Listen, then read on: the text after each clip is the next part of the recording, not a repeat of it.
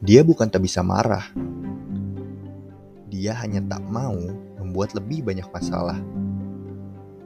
Dia bukannya tak terluka hati. Dia baik hati. Dia juga punya benci, tapi bisa dia melawannya sendiri, sehingga menjadi terlihat selalu peduli. Tapi ada yang tega membodohi dia bukannya tidak bisa pergi. Dia hanya tahu bahwa pergi bukanlah solusi. Tapi hati-hati. Sekali saja dia memutuskan pergi, dia tidak akan pernah kembali.